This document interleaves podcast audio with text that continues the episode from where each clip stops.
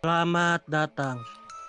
Kembali lagi bersama saya Yosafat Purba dan gue Mirza di malam gaib.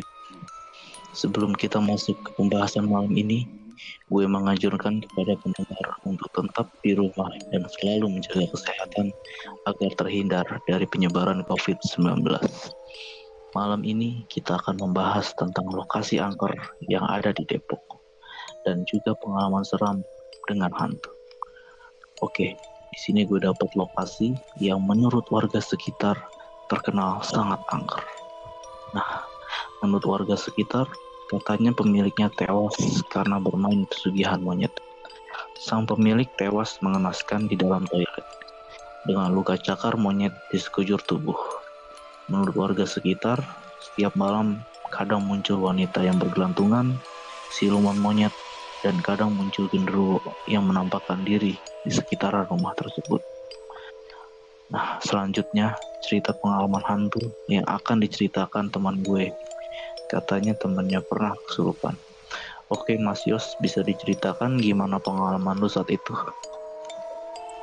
Oke, pengalaman gue saat itu masih SMA kelas 3 saat ada acara pelantikan OSIS OSIS dan pembinaan karakter anak SMA di sekolah gue Lokasinya ini di villa, villa dekat daerah Cibodas, Bogor sana.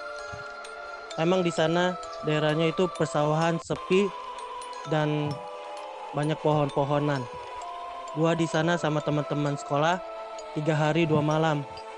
Di hari pertama nyampe nggak terjadi apa-apa, cuman teman gue ini yang satu bus ini dia merasakan hal-hal yang aneh. Uh, dia merasakan hal-hal yang aneh kayak digangguin sesuatu. Uh, sebelumnya juga senior gue kakak pembina gue ini ngomong jangan ngomong yang aneh-aneh kotor kasar apalagi perilaku kalian juga jangan uh, kasar gitu. Mungkin uh, selama teman gue ini uh, melanggar entah itu omongan atau perilakunya dia gitu sehingga membuat dia diganggu hari pertama aman hari kedua paginya juga aman Nah, singkat cerita di malam hari saat jam 12 malam.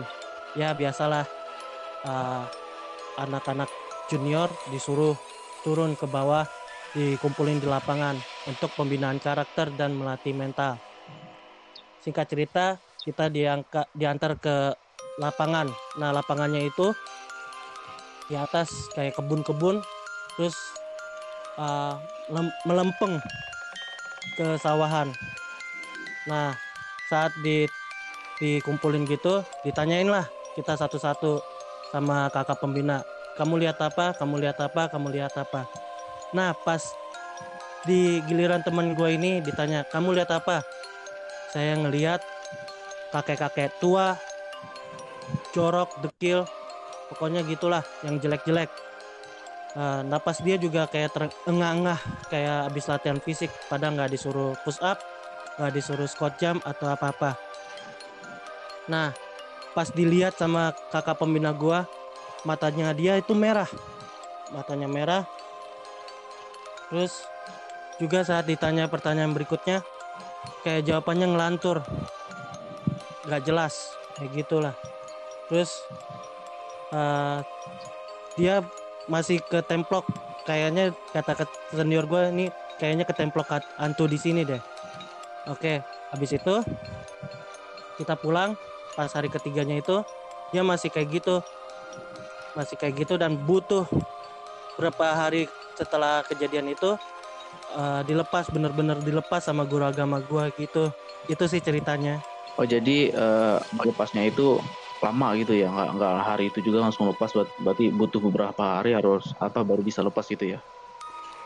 Iya butuh berapa hari lah pokoknya lama lah gitu baru benar-benar lepas.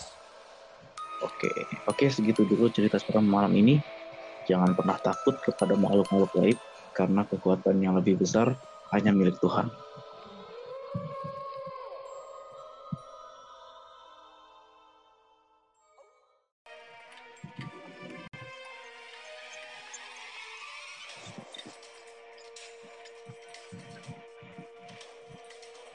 Selamat datang. Kembali lagi bersama gue Mirza dan saya Sopat Purba di Malam Goib. Sebelum kita masuk ke pembahasan malam ini, gue menganjurkan kepada pendengar untuk tetap di rumah dan selalu menjaga kesehatan agar terhindar dari penyebaran COVID-19. Malam ini kita akan membahas tentang yang keramat menurut warga Jawa Tengah. Biasanya banyak warga yang melakukan ritual seperti mandi kembang tujuh rupa. Menurut agama Islam Jawa, khususnya Jawa Tengah, malam Jumat Wage menjadi satu momen khusus yang digunakan untuk mengirimkan doa kepada ahli kubur dan secara massal melakukan ritual religius disertai sedekah bersama. Ada beberapa perbedaan tentang malam Jumat Wage ini. Beberapa info mengatakan malam Wage sama seratnya dengan malam Jumat Kliwon. Tapi beberapa lagi mengatakan malam Jumat Wage untuk melakukan ritual religius. Untuk penjelasan lebih rinci akan dibahas oleh rekan gue, Mas Yosafat.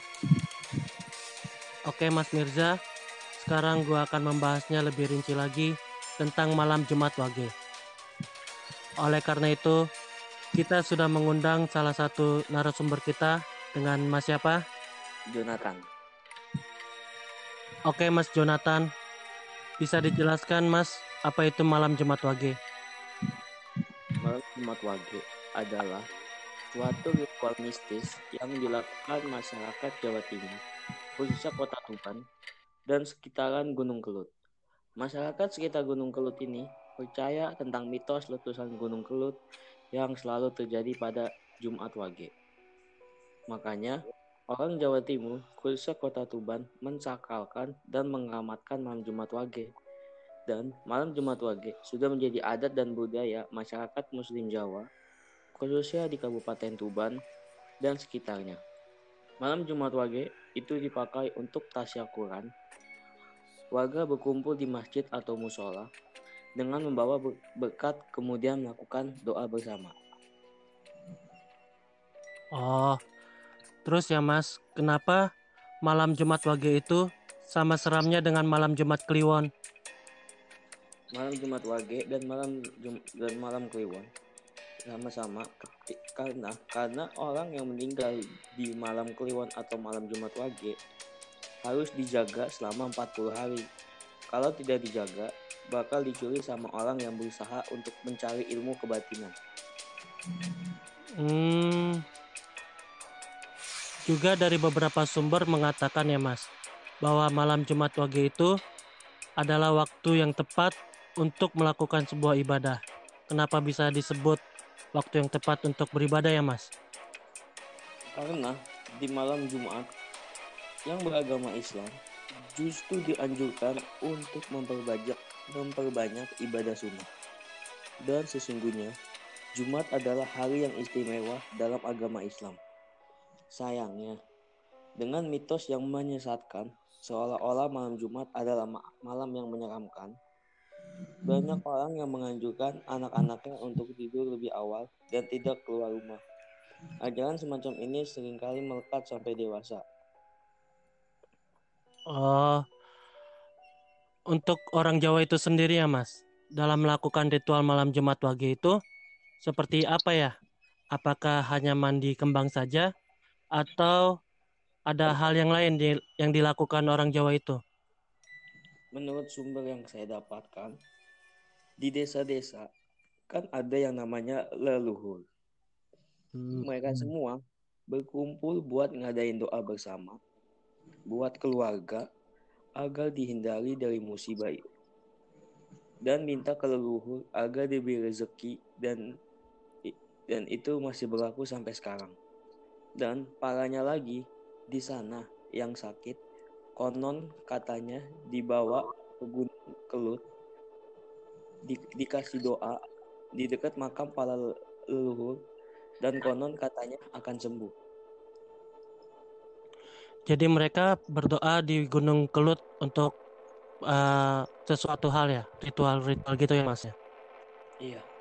Oke. Terima kasih Mas atas waktu dan informasinya tentang malam Jumat Wage ini. Sekian dari cerita malam seram hari ini. Jadi jangan pernah takut kepada makhluk-makhluk gaib apa pun. Karena kekuatan yang lebih besar hanya milik Tuhan.